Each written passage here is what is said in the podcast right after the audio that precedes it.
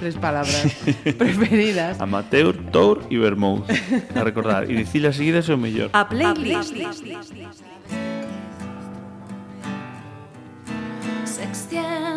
Saludos, eh, tenemos a todo un artista aquí hoy en la playlist y además un artista que el público de toda España lo ha podido conocer estas semanas anteriores porque ha estado participando en el concurso televisivo La Voz.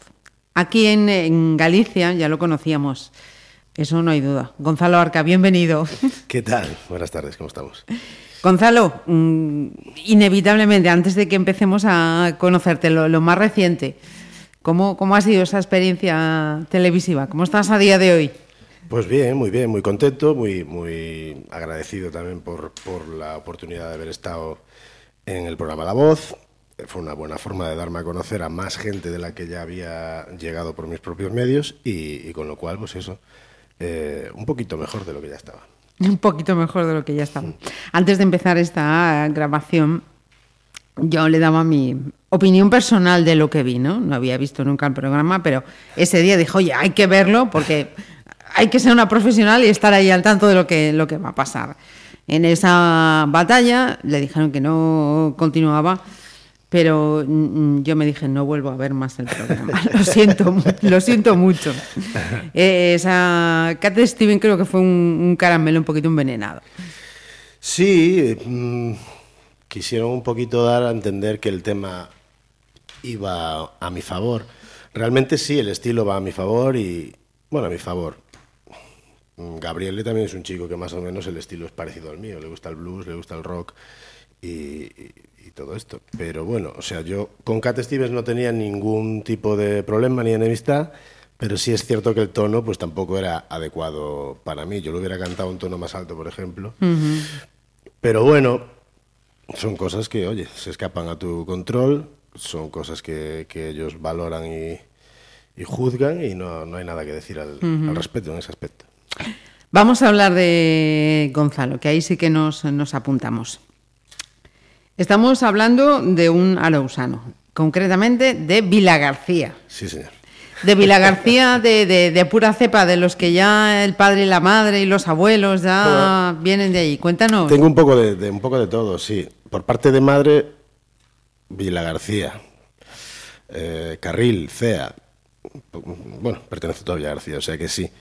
Y luego por parte de padre, pues eh, mi familia, mis abuelos eran de Bayón, que ahora pertenece a Vilanova de Arousa, pero antiguamente también pertenecía a Vila García. Entonces, es un poco así. Pero bueno, ya mi padre criado en Villa García también y, y bueno, Vila García no. Resido en Bayón de vez en cuando también, con lo cual para mí Vila García y Bayón viene a ser lo mismo. Yo tanto estoy en un sitio como estoy en otro y, y, por supuesto son dos sitios a los que de donde me siento y a, a los que quiero. Ujú. Y he visto por ahí, aquí siempre San Google no- nos dice muchas cosas. Tienes un hermano, Tengo dos, dos hermanos. dos hermanos. Tengo un hermano mediano, yo soy el mayor. Uno mediano se llama Manuel y otro más pequeño se llama Jacobo. Manuel, Jacobo, vamos componiendo las piezas. No te he preguntado por el nombre de tu padre y de tu madre. Mi padre era Gonzalo y, y mi madre es Pilar. Gonzalo y Pilar, entonces, eh, la única chica de la casa rodeada de, Sí, de sí, sí, varones. tuvo bastante mala suerte. Estuvo siempre esperando a Nerea, pero no, no le llegó. Pero fíjate, aún, aún escuchaba ayer en, en otro contexto una frase, los hijos son de las madres. Sí, sí, sí, la verdad que sí. Los, y las hijas de los padres dicen, ¿no? En este caso, bueno, no creo que tengamos ninguno de los tres predilección por uno o por otro. Eh, son nuestros padres y cual, hay que quererlos a los dos. ¿Cómo, cómo era eh, Gonzalo de, de- de- de niño? Pues, pues no lo sé, habría que llamar a mi madre. Pilar. Eh, sí, yo creo que era bueno. en principio era bueno. Luego igual me, me hice un poco travieso, gamberrete. Sí, gamberrete quizá. En el instituto era... Podrían llamar ahora varios profesores diciendo que era muy gamberro, pero bueno, yo creo que... Yo creo Te que, vas a liberar. Yo creo que nunca llegué a ser tampoco... O eso creo, o eso espero. Nunca llegué a ser tampoco mal educado. Un poco traste, sí. Un poco vacilón a lo mejor, pero, pero no creo que fuera nunca malo tampoco. Mira, ¿y esto de la música te viene mm, por alguna vinculación de los padres, de los abuelos, a un familiar por ahí vinculado a la música? Bueno, en mi casa y la mayoría de la gente canta bien, les gusta aparte de cantar y tal. Yo recuerdo de pequeño, pues eso, ir en el coche con mis padres y escuchando Juan Pardo, fundamentalmente, bar de carreteras, la mayoría de las veces también. Y, y bueno, el, el primer recuerdo sí que tengo un poco significativo es mi padre bajar el volumen de la radio, porque yo me ponía a cantar, entonces bajaba el volumen y decirle a mi madre mía cómo canta el niño. Eso sí que lo, lo ¿Ah, sí? recuerdo. Mm. Y entonces yo ya me rajaba y paraba de cantar. Yo pensé que ibas a decir, entonces me venía arriba. no, no, y- no, no, entonces me entraba el corte y aflojaba, aflojaba la marcha. Ajá. Eh, vamos a hacer una, una parada ya en esta selección que nos has eh, preparado. ¿Con qué comenzamos, Gonzalo? Pues tengo aquí una, una lista de 10 canciones que vine haciendo así un poquito ahora, las que me fueron surgiendo. Elegir 10 es muy complicado porque evidentemente toda la música que hay es, es complicada. Pero bueno, fueron las 10 que me fueron surgiendo ahora de camino aquí y, y no van por orden tampoco de preferencia. Son 10 y las vamos a ir diciendo. Venga. Pues mira, aquí en la lista, ahora mismo, por ejemplo, de primera tengo Getting Better de los Beatles. Ajá. que es un tema que, que la verdad que me mete muy buena onda y, y muy buen rollo. Me levanta el ánimo, sin duda, cada vez que la escucho es un tema muy, como muy alegre y, y la verdad que me gusta, es de las que más me gusta de los Beatles. Pues vamos a levantar el ánimo también de todos los que nos están escuchando. It's getting better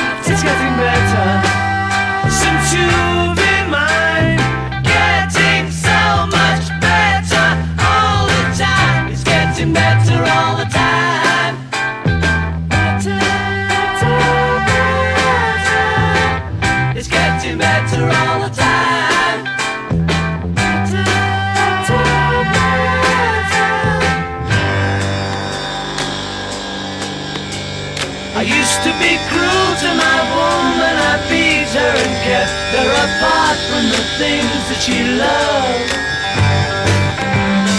Man, I was mean, but I'm changing,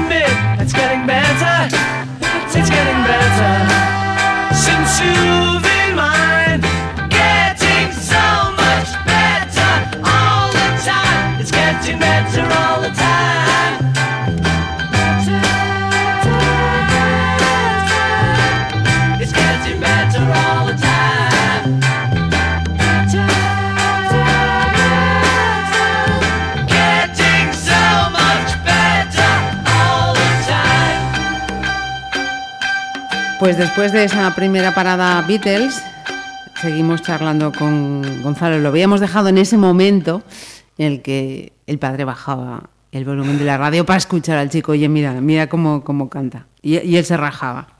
Él se rajaba. Eh, en el cole, eras, ya nos has dicho antes, un poco gamberrete y tal. En el cole aún no tanto, en el cole era bastante bueno, básicamente porque mi tía era profesora en el colegio, entonces tampoco tenía Toma. mucha, mucha, mucho pie a, a hacer de las mías, porque bueno, rápidamente avisaban a mi tía y rápidamente mi tía me metía un rapapolvo. Entonces allí estaba bastante controladita la cosa. O sea, que la tía controlaba a Gonzalo en el cole. Sí, mi tía Cuca, que le mando un beso desde aquí. Eh, ¿En qué colegio estaba Cuca y estabas tú, por tanto? En el José Antonio, en, en Villa García, en La Lomba. En la Lomba. Ajá. Hoy en día ya no, ya no existe. Hay otro en su lugar. Mira, y si te pregunto, ¿hay, hay algún momento, algún día así que tengas grabado de- del cole o que te venga así ahora a la cabeza? Un momento del cole. Un momento del cole, el mejor momento del cole fue en un recreo en octavo de GB que mi tutor, don Ramón, al que quiero mucho y mando otro saludo, eh, nos cogió a un, a un primo mío y a mí, a Miguel, y nos llevó a su casa, que estaba bastante cerca, una finquita que tiene, y nos puso a vendimiar. ¡Anda! Y luego llevamos un, un capazo de, de uvas para clase, para comerla a todos los, los compañeros. Fue, un fue el momento más extraño y más divertido que, que recuerdo. y, y eso de llevarse a vendimiar Pues no sé, para nos el- cogió y dijo, Arca, Miguel, venga, para el, para el coche. nos llevó, nos dio una tijerita cada uno y venga. Nada, 10 minutos, 15 minutos, que era lo que duraba el recreo, y para, para clase con, el, con las uvas.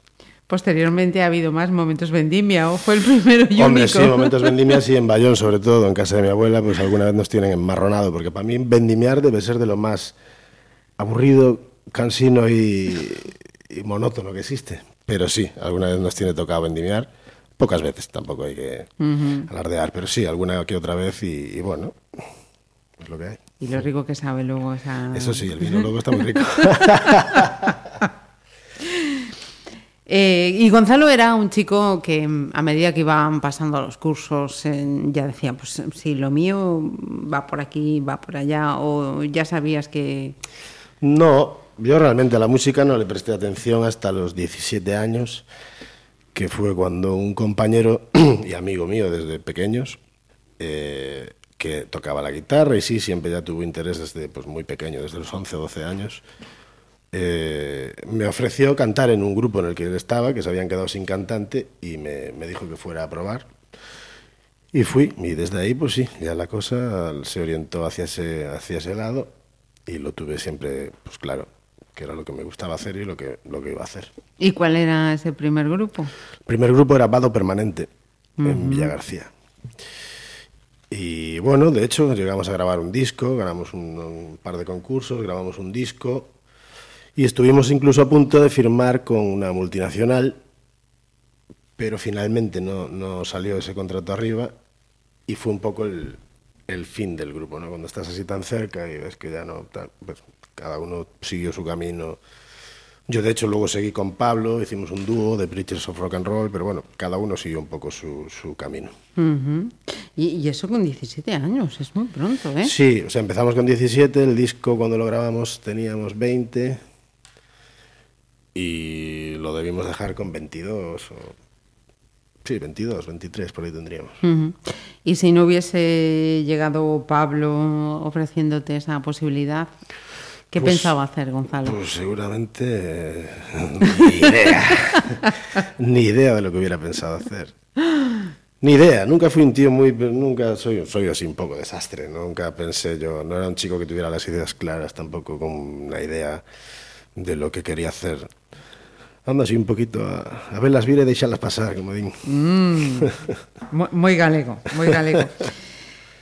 Hacemos una segunda parada que va a ser muy, muy interesante, muy... La siguiente que tengo aquí anotada es Descending, de The Black Rose, que es uno de los grupos que más me, me gusta y que más me influencia quizá, Chris Robinson, el cantante. Y es un tema que suelo escuchar y suele llegarme bien cuando estoy un poco bajónico, como bien dice el, el título del tema, Descending, pues eso, descendiendo. Y es un tema que me, dentro de mi bajona, me reconforta. Ajá. O sea, tampoco es de esas canciones como alguien... Te regocijas en tu que- que- sufrimiento. sí, vale, sí, entonces sí. Es de, es de los que decían ese momento casi masoquista, ¿no? Sí, de sí, sí, sí, necesito llorar. y- Detonante. Venga, pues vamos.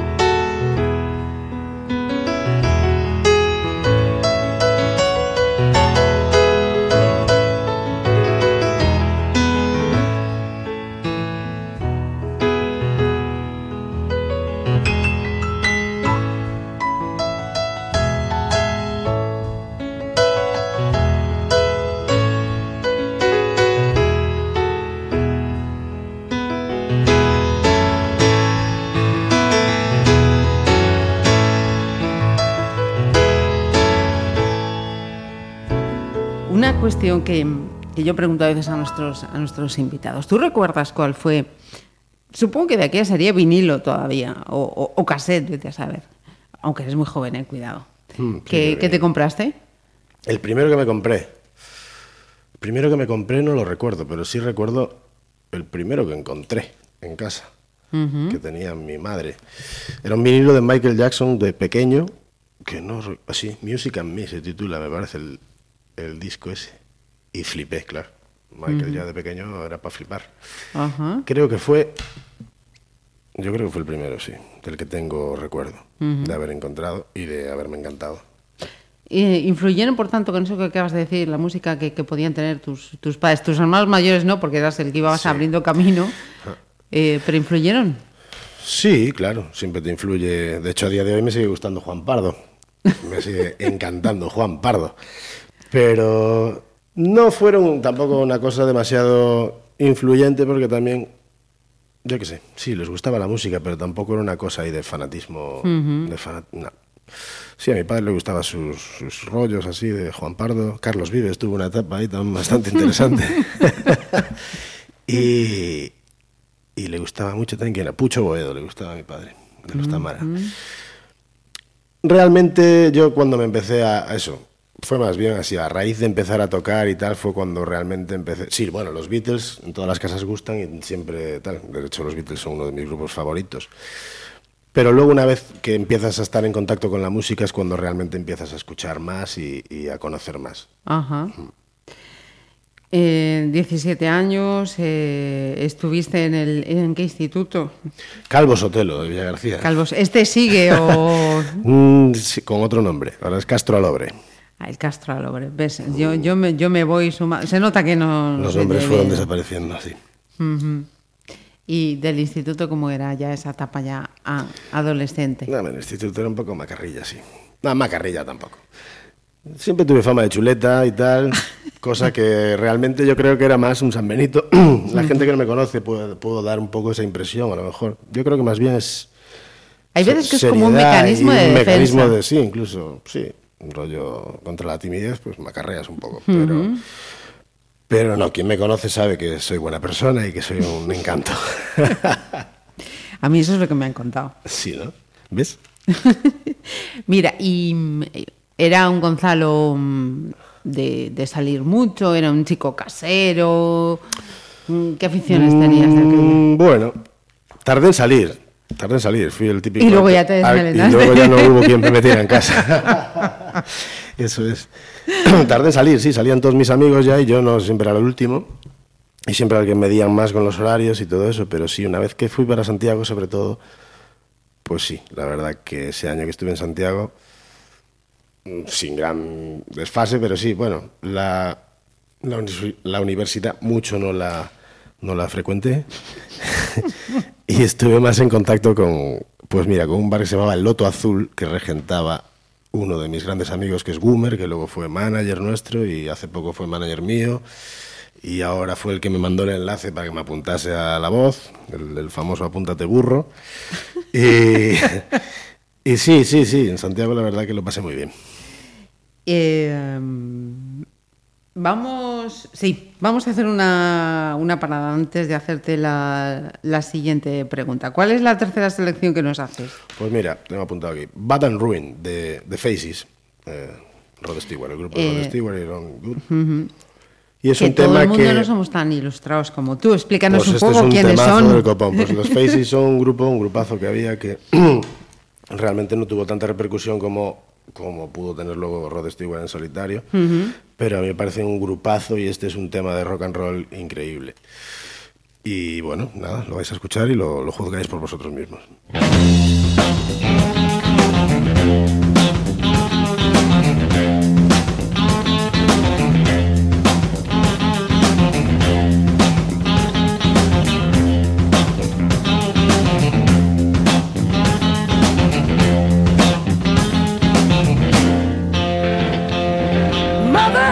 Mother, don't you recognize your son?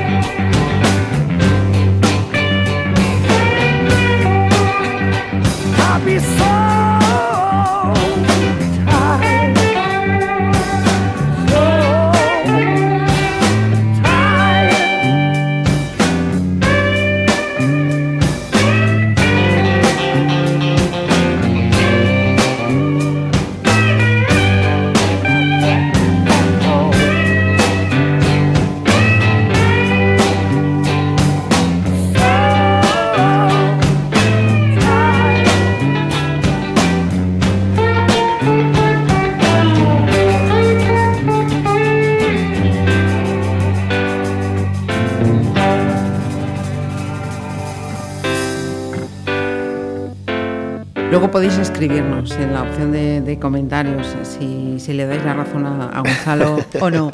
Dejábamos esta charla en el momento universidad. Eh, ¿Qué fue o- o qué facultad te atrajo?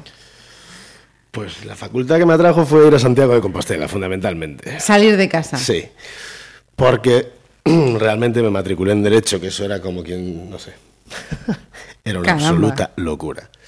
Porque estudiante nunca fui buen estudiante, siempre fui del último momento.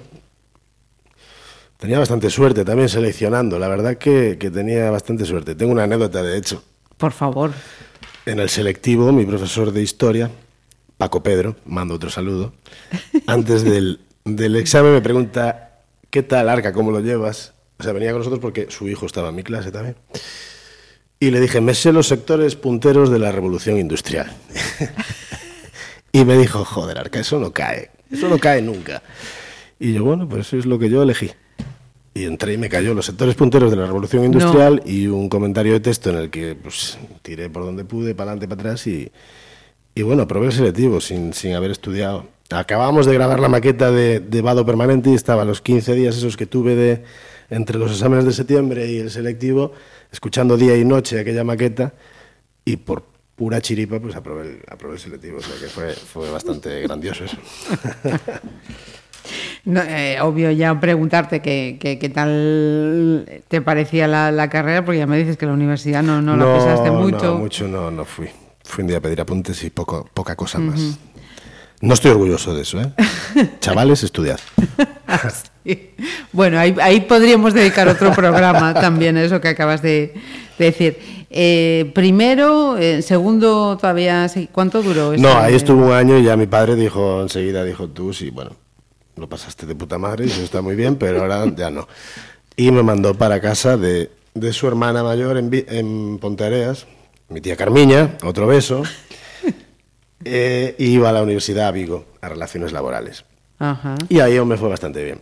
De hecho, me falta, bueno, lo dejé por tonto que soy, faltándome un curso por terminar, que bueno, cualquier día a lo mejor se me da, esto es mentira, pero bueno, lo digo para quedar bien, algún día a lo mejor se me da por retomarlo. Eh, ahí aún me fue bastante bien, me fui zafando. Y los hermanos pequeños, eh, eso que dicen de los hermanos mayores tienen que ir, eh, ¿de qué manera? Fue abriendo caminos, si es que abrió, ayudó o, o no a Manuel. Pues no, no, la verdad que no, la verdad que no. ¿eh? Aquí el que, el que más empujaba era Manuel. Siempre fue el, el más, eh, el que más abría camino en todo. Era el más, era y es el más, yo creo que es el que mayor personalidad tiene de los tres y el que mayor decisión tiene cuando toma eso, cuando tiene una idea, es el más decidido a llevarla a cabo. Eh, de hecho, él empujaba, él decía, le decía a mis padres, joder, es que Salo ya tiene edad para, para salir, dejarle salir, pero era todo, claro, mirando en su beneficio para ir abriéndose él el propio camino. Yo nunca fui muy así, la verdad. Yo si podía salía, si no, pues estaba en casa, tampoco me preocupaba mucho, era un poco despreocupado esas cosas. Nunca me agobió demasiado.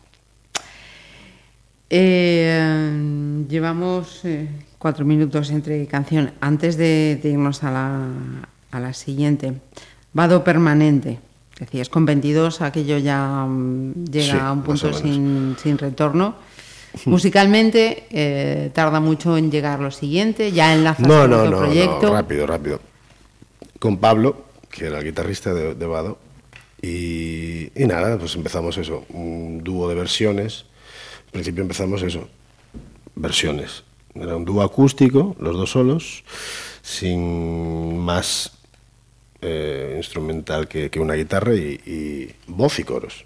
Y pandereta cuando nos veníamos arriba. y bueno, poco a poco también fuimos haciendo algún que otro tema, pero no los llegamos. Grabamos una maqueta en su momento, pero tampoco la llegamos, la llegamos a, a- a publicar ni, ni a currar más. Pero bueno, Pablo estaba en Salamanca estudiando, luego ya también terminó, se fue a vivir a Madrid, era un poco complicado el asunto. Y, pero bueno, tres añitos echaríamos.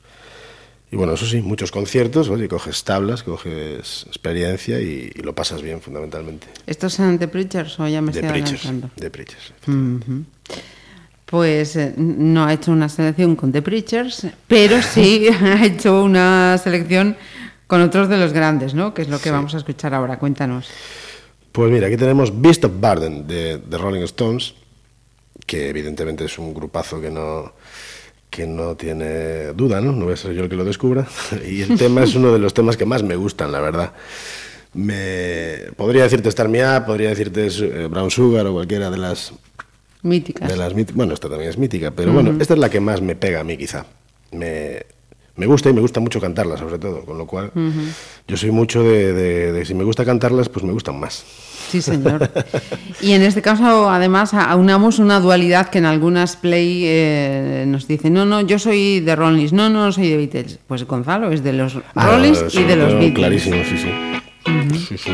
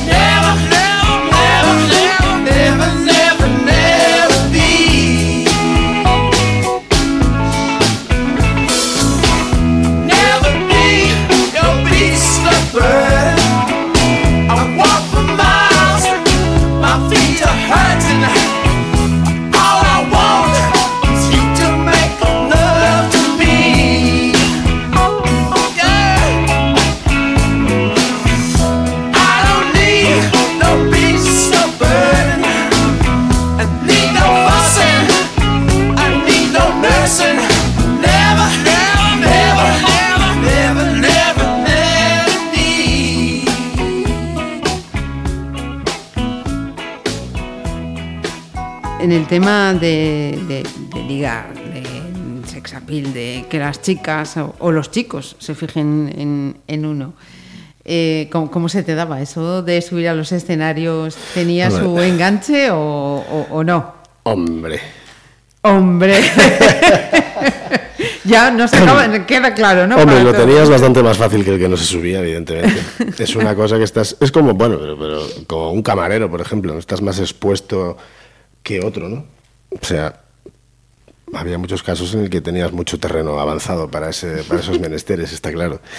Pero bueno, tampoco. Con esta cara tampoco se puede ir muy, muy, muy allá. Bueno, pero yo siempre intento dar una vuelta de tuerca más. Eh, eh, esa exposición, esa facilidad hacía que, que las chicas eh, sobre las que Arca ponía el ojo mm, lo pusieran sobre él o, o las que se fijaban no eran las que Arca quería. No, no, generalmente las que te gustan a ti no se fijan en ti ni que, ni que hagas el pino puente.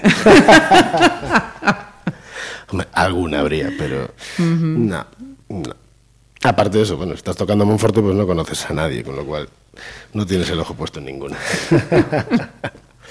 Mira, estábamos en los Preachers. Mm, Luego llega Sugar Mountain. Cuéntanos. Sí, sí, eso ya fue eh, viviendo aquí en Pontevedra, que estuve siete años viviendo aquí.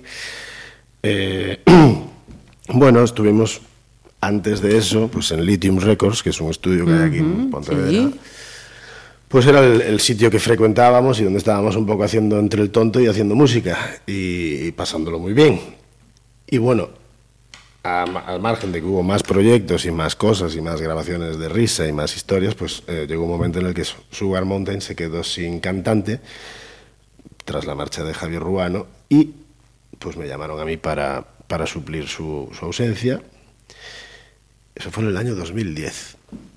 Y sí, ahí estuvimos, pues eso, un- hasta el 2012. Dos años con Sugar Mountain, en lo que también fue una experiencia muy buena para mí, aparte que era un grupo conocido y con muchos discos ya publicados y muy buenos, sonaban, sonaban realmente increíbles esa banda. Y, y bueno, lo que digo siempre, de todo se aprende y, y- y de todo sacas una experiencia positiva. Siete años nos dices viviendo en, en Sí. Pontevedra. Lo de venirte aquí fue porque aquí había pues un panorama más favorable. No, fue- por una novia, por una novia que tenía que vivía aquí. Anda, mira, ¿ves cómo había enlazado yo? Sí, tenía una novia que era de Villa García, pero vivía aquí y me vine para aquí. Y una vez que aquí ya, pues eso, aquí ya casi estaba como en Villa García, tenía amigos a, a tope y sigo teniendo. Y, y una vez que dejé a, que me dejó ella, perdón, como siempre, eh, una vez que me dejó mi novia, pues decidí seguir viviendo aquí porque tenía muy bien montado aquí el cotarrito de, de eso, de música y de, de- de ensayar y gente con la que tocaba y todo eso.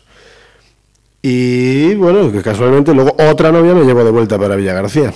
Entonces, Gonzalo al final como un tonto siempre sigue a las chavalas, es lo que hay.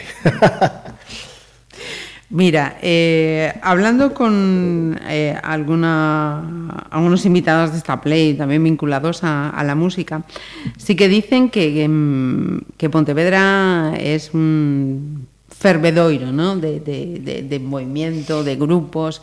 ¿Qué, qué tiene Pontevedra? ¿Qué hay, qué hay de especial aquí en esta ciudad Pues sí, en Pontevedra eso? lo que hay es eso, mucha inquietud, pero bueno, tanto en Pontevedra como en Villa García. Yo siempre digo, pasa, bueno, eso era para meterme con ellos, siempre decía que le dábamos mil vueltas los de Villa García. pero no, sí, la verdad que son dos sitios en los que en los que hay mucha inquietud y mucho talento y sobre todo mucho gusto musical.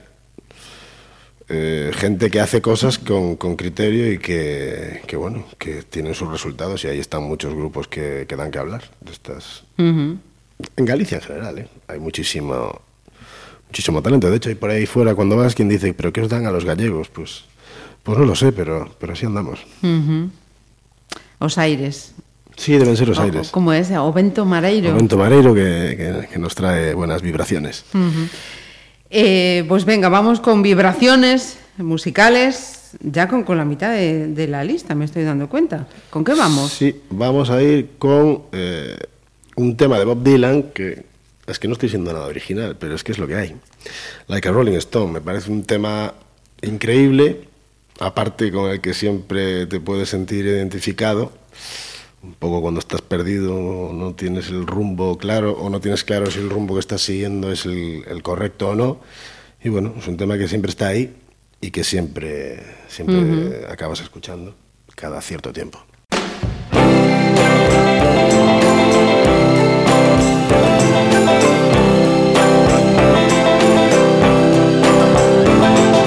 Once upon a time, you dressed so fine, threw the bumps of dime in your prime.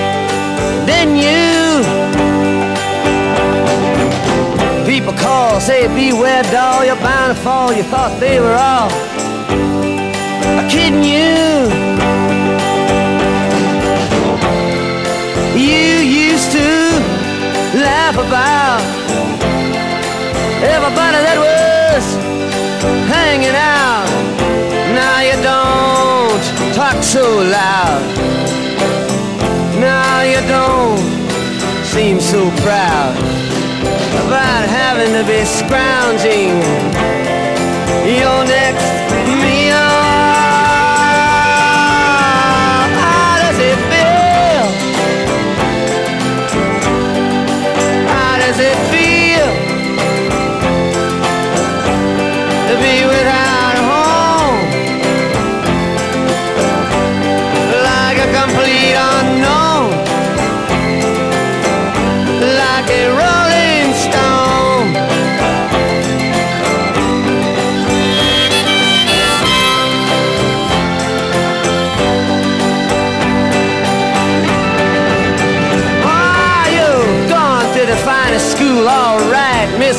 But you know you only used to get juiced in it. Nobody's ever taught you how to live out on the street, and now you're gonna have to get used to it. You say you never compromise with a mystery tramp, but now you realize he's not selling alibis as you stare into the vacuum of his eyes and say, Do you want to make a deal?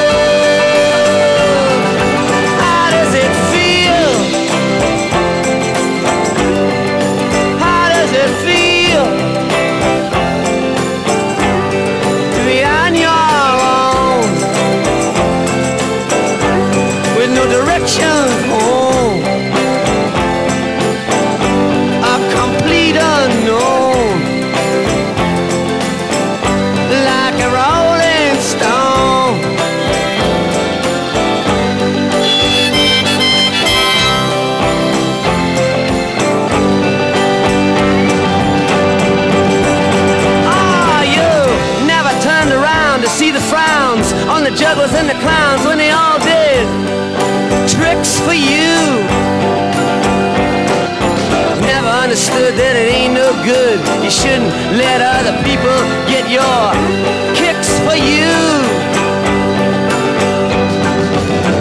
You used to ride on a chrome horse with your diplomat who carried on his shoulder a Siamese cat. Ain't it hard when you discover that he really wasn't where you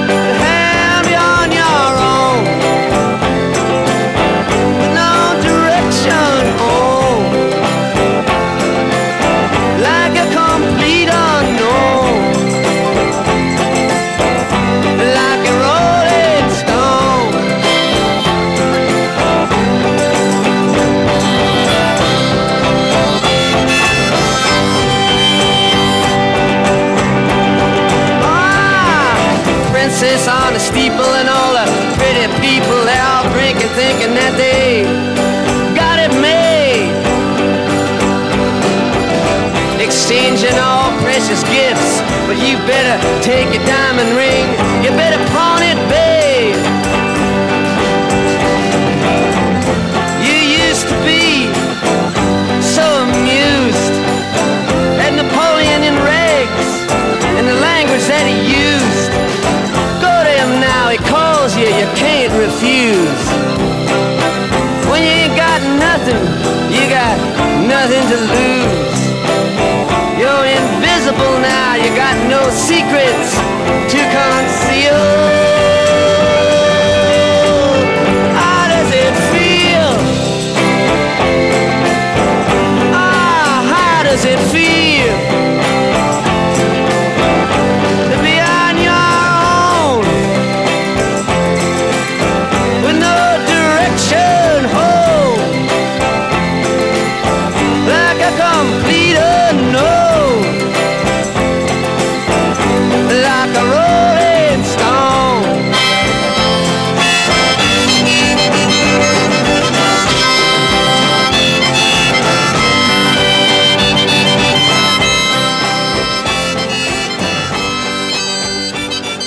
Ahora que acabamos de escuchar a Bob, Lin- Bob Dylan, eh, como compositor, como poeta, ese polémico premio, como músico.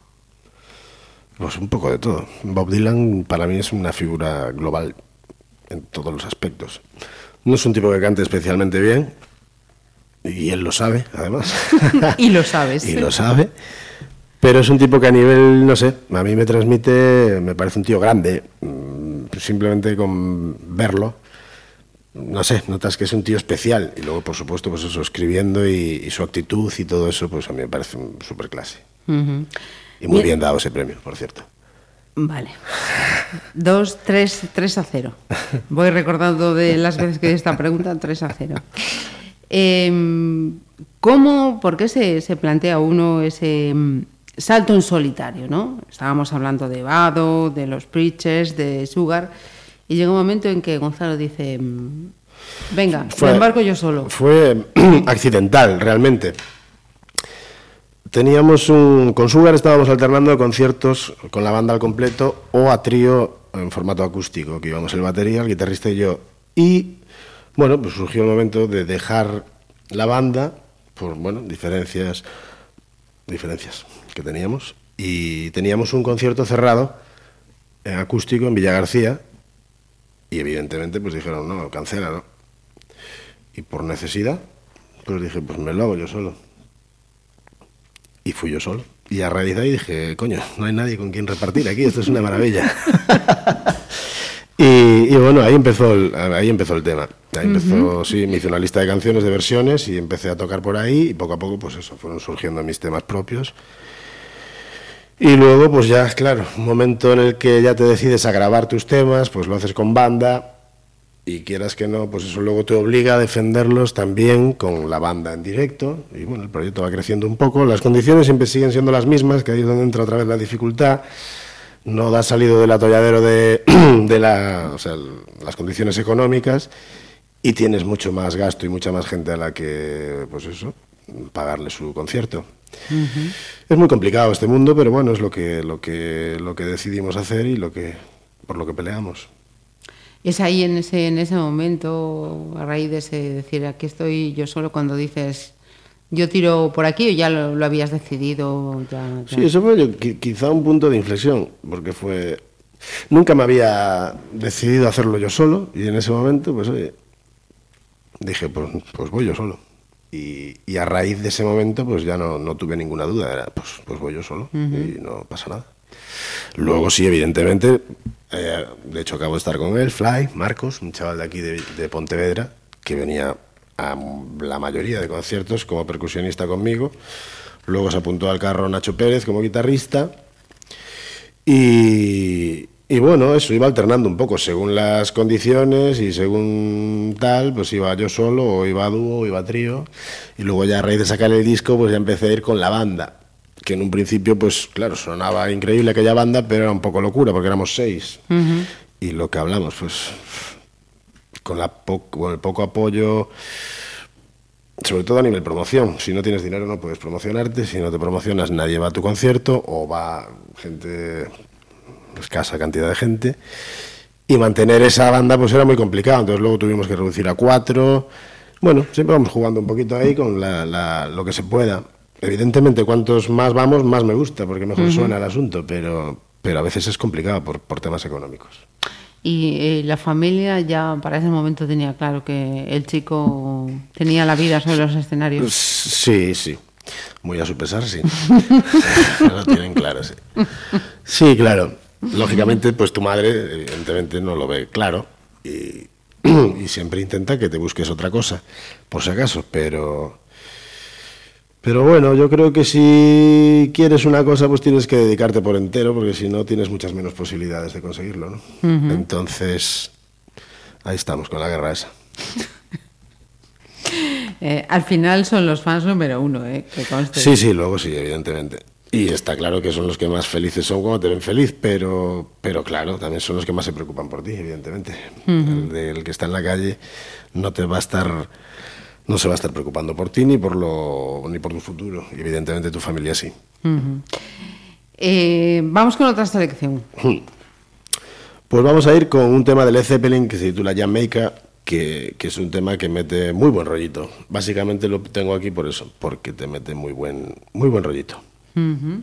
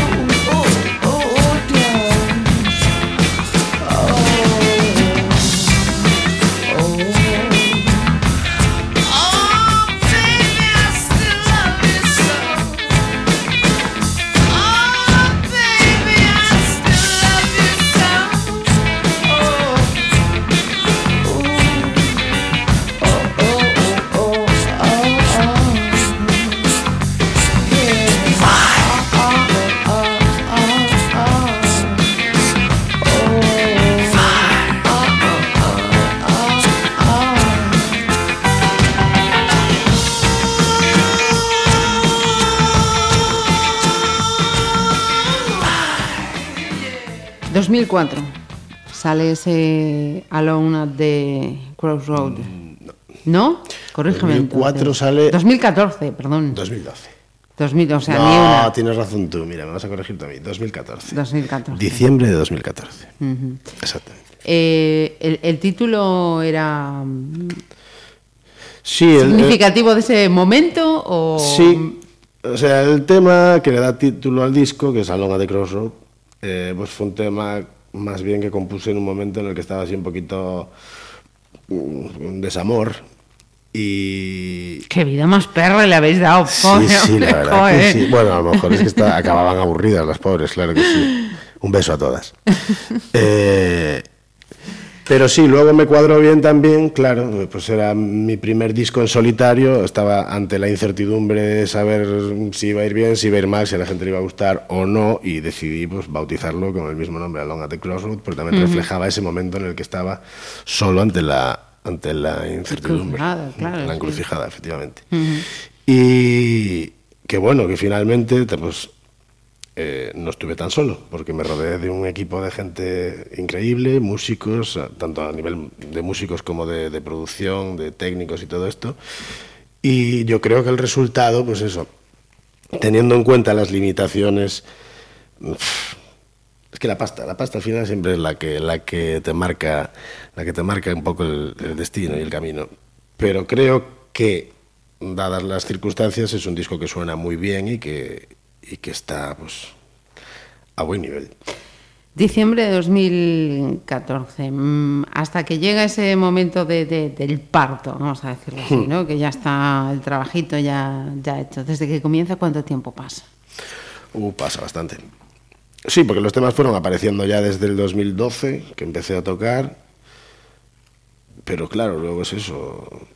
Tuve que hacer un Berkami para juntarla, o sea, un crowdfunding para, para juntar la, El dinero. el dinero para, para sacarlo.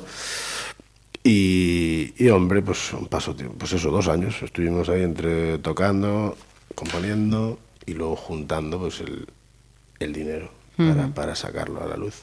Y luego una vez que lo sacas, pues sigues estando también un poco... Es que aquí esto es una encrucijada constante. Esto lo sacas y dices, bueno, vale, muy bien, ¿y ahora qué?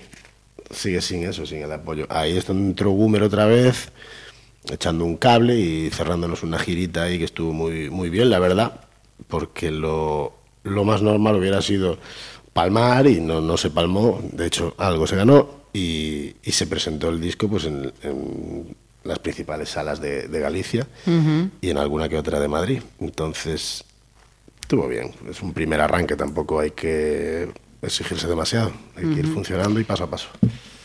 Eh, quería preguntarte eh, eh, por el momento composición, ¿no? Mm, Cuando Gonzalo compone, ¿cómo, cómo haces? Mm, Pues voy viajando, estoy en el coche, de repente me apetece ahora, paro, necesito mm, olvidarme de todo y ponerme... ¿Cómo, cómo es ese momento? No, no, muchas veces estoy tocando la guitarra y no, no.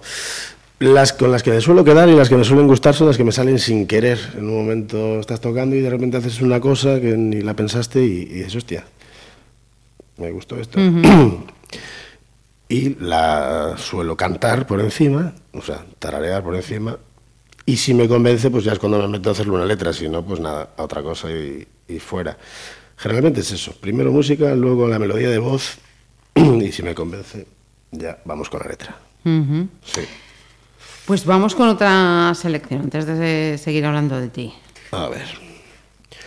Pues mira, aquí tengo ahora mismo Stir It Up de Bob Marley, que es un tema que a mí me transmite una calma y una paz y un regocijo personal que, que no sabría explicarte. Pero lo vais a escuchar y seguramente os transmita lo mismo.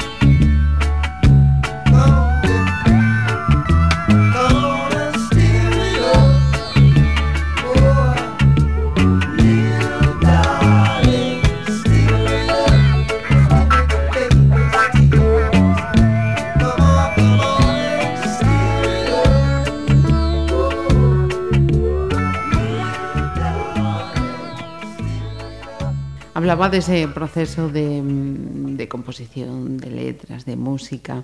Eh, eres un músico hecho a base de, experiencia, ¿no? Porque no, no, te mm. voy a preguntar si mm, habíamos dejado en lo de relaciones laborales, pero no te pregunté si habías ido, pues eso, aprender a No. tocar, a No, componer, a- jamás, jamás. De hecho, debería haberlo hecho porque pues ahora sería bastante mejor.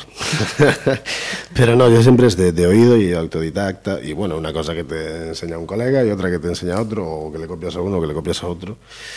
Pero bueno, yo fundamentalmente la guitarra la toco para acompañarme. A mí lo que me gusta y con lo que realmente me considero. O sea, a mí lo que me gusta es cantar y lo que me considero es vocalista, no me considero guitarrista, para nada. Me acompaño y, y me sirve para componer y para divertirme.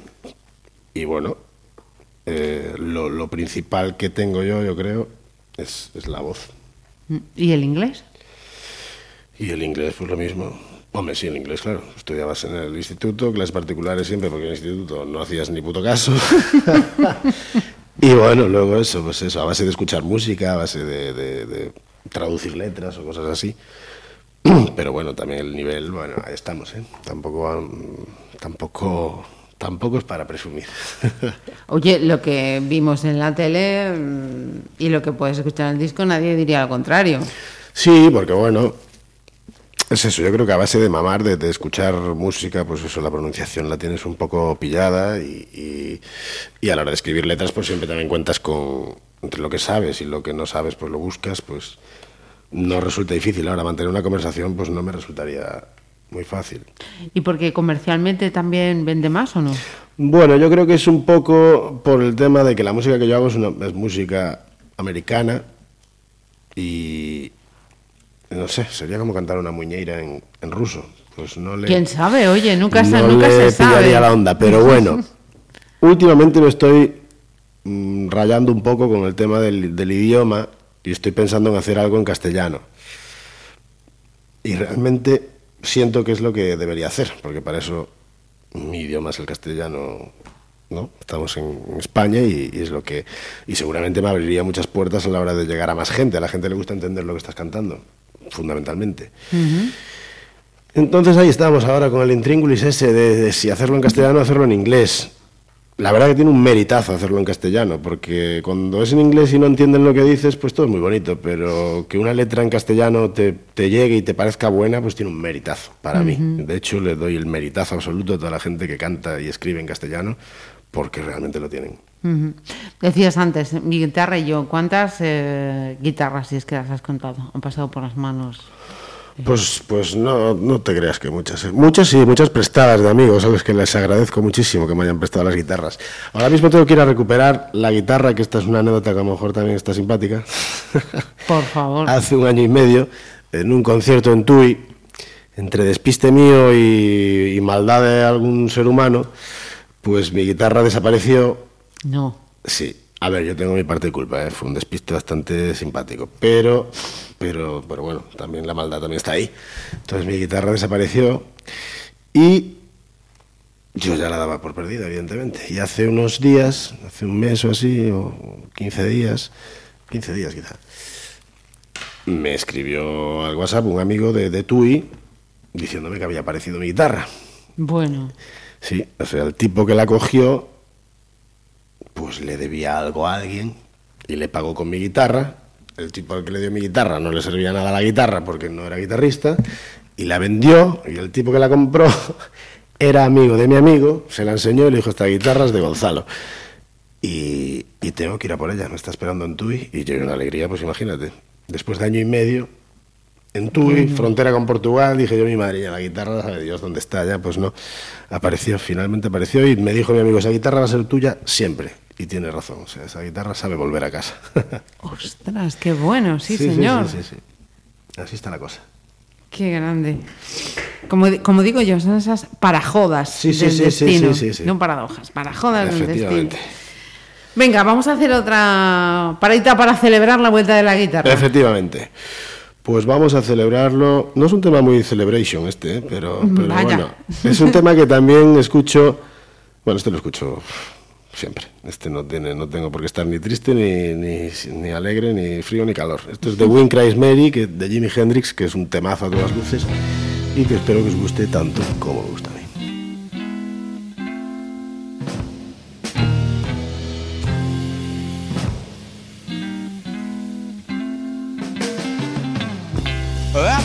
Jets are in the boxes, and the clowns have all gone to bed.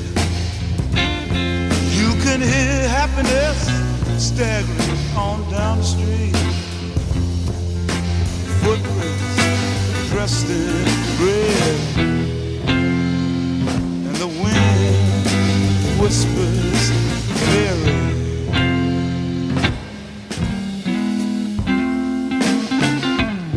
A broom is drearily sweeping up the broken pieces of yesterday's life.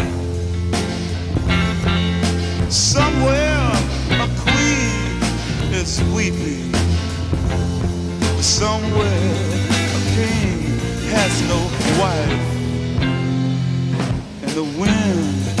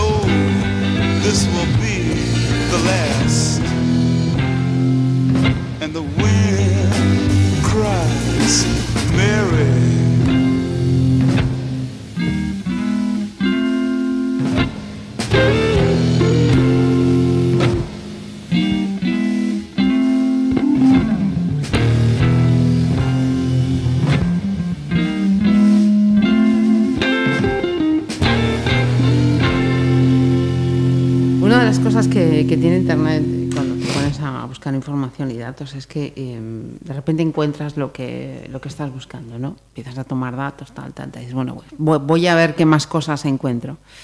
Resulta que es un cortapega de lo que, que habías leído antes. Con lo cual eh, me encuentro con la misma definición de la Luna de Crossroad, que es una mezcla de rock, de soul, de country, con esos eh, puntos de pop que le dan el toque Sí, modernito, un toque ¿no? sí. Eh, mm, Digestivo. ta- tanto, Digestivo. tanto a mezcla, eh, yo ahora lo encuentro, porque ves esta selección y dices tú, mm, hay un, hay un poco de, de- de todo esto, ¿no? Sí, sí, yo ya te digo. Son los estilos que más me, me suelen gustar. Luego, por ejemplo, me gusta mucho el blues y no, no se ve muy reflejado luego en lo que yo compongo. Pero, pero bueno, todo lo que tenga así que ver con eso, música negra, música americana, luego también, pues eso, inglesa, ahí estamos, los Beatles, los Stones, los Faces, que supongo que también les gustaba la música, bueno, eran fans todos de Elvis, con lo cual... Eh, sí, es el estilo que, que me gusta y luego evidentemente pues cuando compones salen a flote todos esos todos esos esas influencias que tienes, esos, claro, claro. De mm, la música actual de, de- de- ahora, de lo más reciente, no hay nada que, que- que te llame. Tú sigues eh, tirando Sí. clásicos. o- Me gusta mucho John Mayer, por ejemplo, Ujú. que es eh, un superclase, la verdad. De hecho, en directo tocamos un tema que es Queen of California de John Mayer y hoy tenía pensado meter en esta lista, pero al final, al final me pareció otra y la saqué. Pero, por ejemplo, Something Like Olivia es un temazo de, de John Mayer. Waiting on the World to Change, otro tema. Tiene miles de temas. Es un tipo que aparte de eso también tiene esas influencias clásicas y les da un toque moderno que, pues, pues eso, hace que le entre a más gente de la que le entraría ciñéndose al clasicismo. Pero a mí me gusta mucho. Vamos, que no, no te veo en un concierto de Luis Fonsi ni por No. casualidad. No, le quiero mucho a Luis Fonsi, le deseo lo mejor, pero no. no. Cuando estuve en Nueva York tuve la suerte de ver en una bolera de Brooklyn, que aparte me enteré por casualidad, un día antes de que estaba Chris Robinson, el cantante de los Black Crowes, por 15 pavos me parece que valía, hacía una colaboración con un grupo en una bolera de, de Brooklyn. Y valía, pues eso, 15 euros o algo así. Y el espacio reducidísimo. O sea, yo lo vi allí apoyado en el escenario, lo tenía delante de mí. Ese fue el tío que, que realmente sí me impresionó verlo. Y de hecho le regalé un disco y me llevé su setlist para casa de, de recuerdo.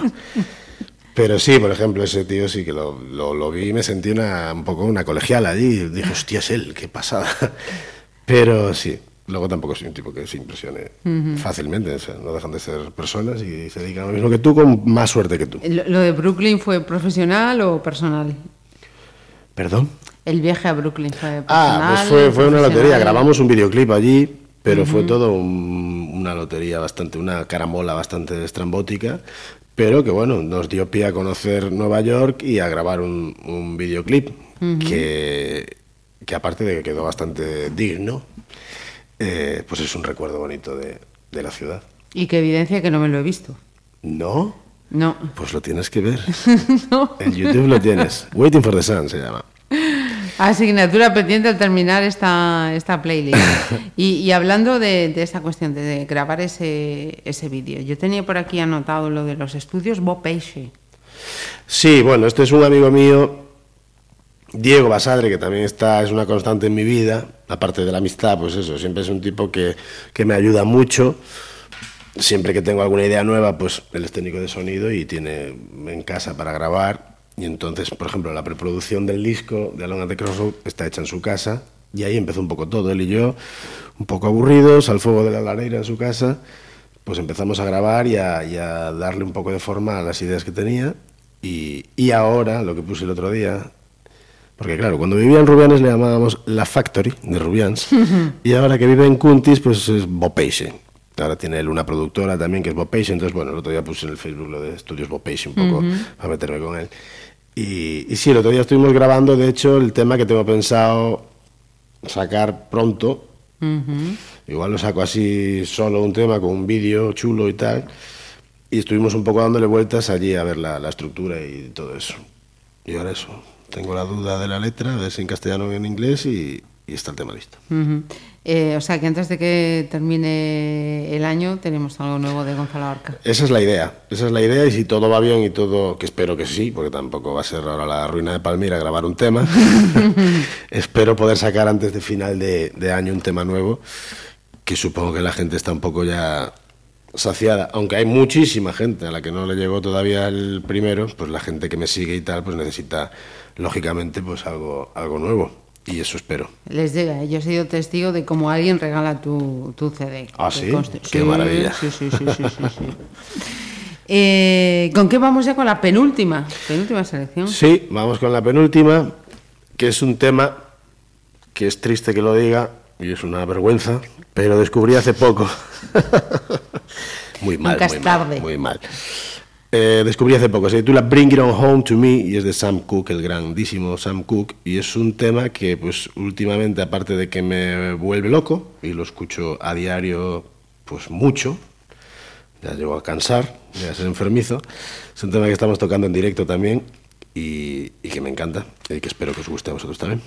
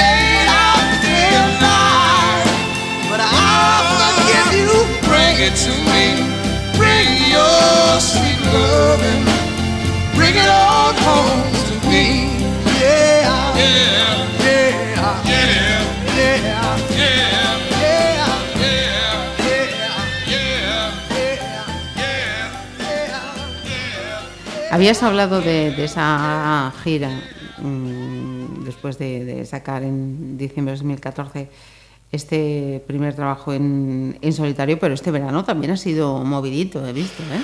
Sí, este verano estuvimos. Bueno, aparte de que ya empezó lo de la grabación de la voz, que me, me- me frenó un poquito el tema de conciertos, porque también es todo muy misterioso allí, nunca te dicen cuándo va a ser la siguiente vez que vas a grabar o lo que sea.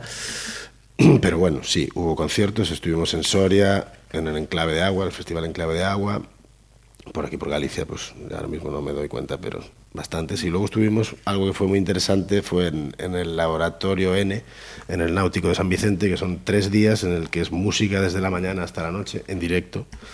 Pues éramos, no sé si 30 o, 30 o más músicos de toda España, juntos, conviviendo todo el día, o sea, desde la mañana no se pinchaba música, y era todo el tiempo música en directo. Sube uno, baja otro, sube, baja, se mezclan, no sé qué tal. Y bueno, conocí gente muy importante y muy, muy reconocida, con la que fue una pasada estar, y aparte, bueno, pues, pues fue una pasada también que, que, que gente de ese nivel te dijera, chaval, que bien cantas. Pues oye, eso sí que te quedas, te quedas bastante satisfecho. Satisfecho. Y con, eh, con el ánimo, vamos, Sí, sí, sí. arriba. Proyecto más inmediato entonces, profesionalmente, sacar eso, algo, algo nuevo antes de final de año. Sí, ese de momento, esa es la idea más- Pasito a pasito. Sí, sí. la- pero bueno, tiene que ser ya también, porque aquí a veces como no arranques te dejas llevar por la inercia y no sales de, no sales de casa. Eh, sí, a final, a- as- antes de finales de año tiene que haber algo nuevo y, y lo va a haber. Entonces, sí pueden ser dos temas mejor que uno, pero yo creo que hoy en día también, como el concepto disco está ya, que no la industria no funciona, o le funcionará a los grandes, a los pequeños no, no funciona más que para vender en los conciertos, que también está bien, pero...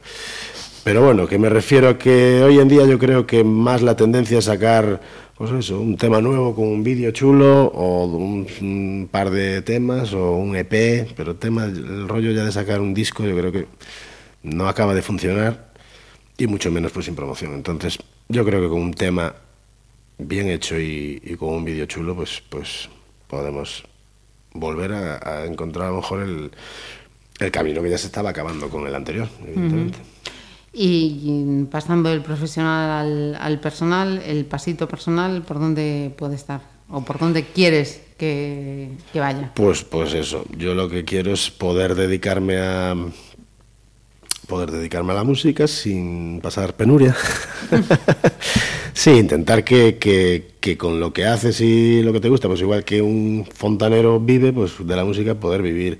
No hablo de vivir a cuerpo de rey, hablo de, de poder seguir funcionando, seguir pagando tus facturas y seguir podien- pudiendo hacer lo que, lo que haces, que es música. Y, y en este país la verdad que es bastante jodido, pero, pero no nos vamos a desanimar, que aún, aún hay tiempo para, el- para el desánimo. de Desde dejar Villa la García, dispuesto a hacer las maletas y... Sí, estuve planteándome ahora irme a vivir a Madrid, pero, pero bueno, no lo tengo muy claro ni muy decidido, porque también es, o sea, es difícil. Lo que hay que hacer es sí, ir visitar más a menudo Madrid, ir a tocar a Madrid o Barcelona o grandes ciudades, me refiero, y, e intentar, pues eso, abrir un poco de hueco y darte un poco a conocer en sitios en los que tenga un poco de más de repercusión, que, que- que quizá pues cuando que cuando tocas pues por aquí que que bueno que sí que o sea que todo está bien vamos que aquí ganas seguidores y, y- y eso es lo que quieres también que a la gente le llegue lo que haces y que lo disfrute y que te haga disfrutar a ti por eso pero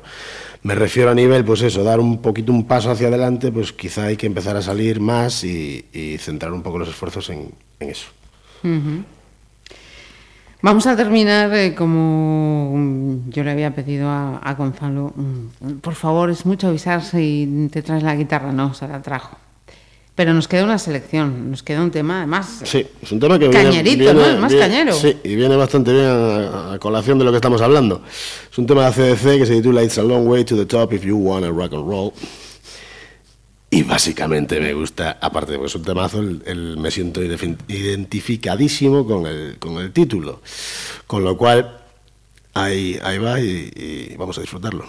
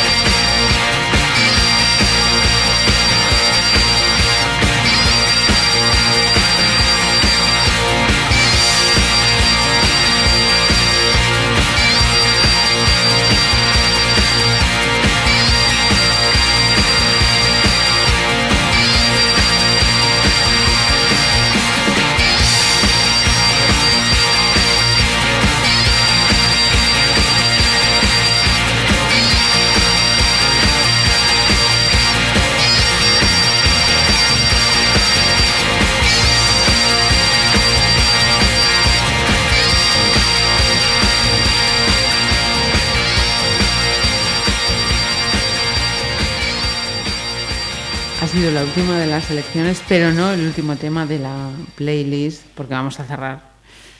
Y ya se lo agradezco de antemano mm, con, con un tema, aquí le llaman el acústico, yo voy a decir así casero, ¿no? Porque lo de acústico eso es como venirse demasiado, demasiado arriba.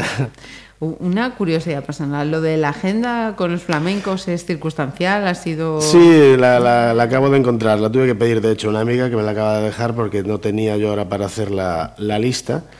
Y, y nada, aquí, Es una deformación personal mía Sí, con lo de los El flamencos. boli de Rosita está muy chulo. No, no, no, lo decía por los flamencos, es una cuestión con la que yo tengo un... Eso. Mira, ¿y qué nos vas a tocar? Pues no lo sé. Improvisamos. ¿Qué será? Porque, déjame hacer memoria.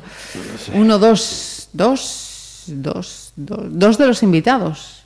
Perdón si, si han sido tres, porque ahora recuerdo dos. Les dije, bueno, ¿y ¿qué nos tocas? Y, y los dos me dicen, pues no, no sé, déjame que improvise. Pues, pues, pues- Venimos así, pues- somos, como se puede ver, somos grandes trabajadores los músicos. Gente que lo deja todo a última hora.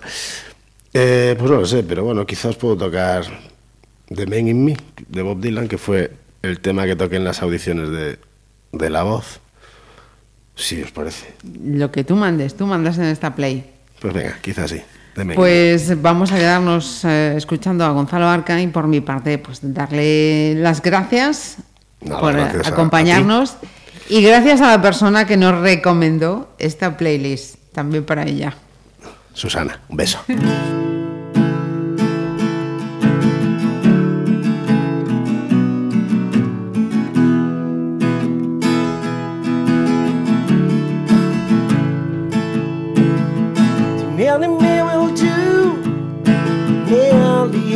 task.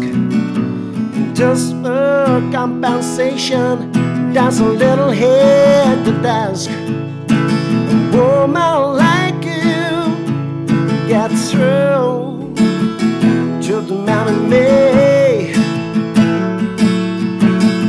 Storm clouds are raging all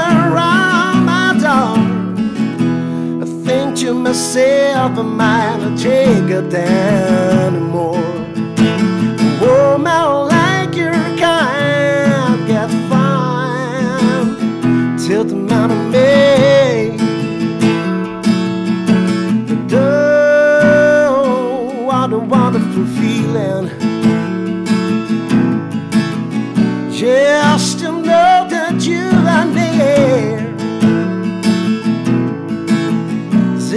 sets my, my reeling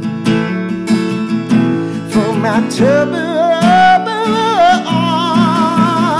up to my ears Demanding me times to keep from passing I think to myself, not take my own machine.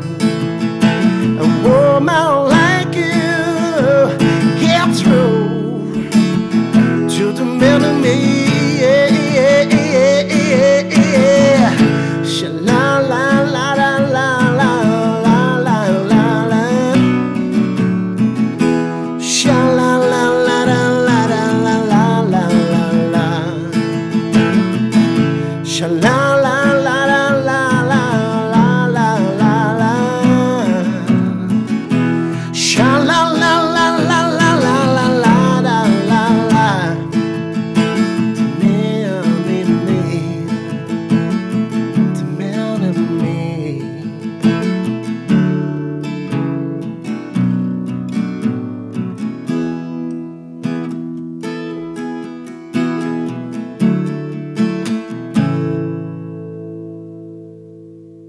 A Playlist.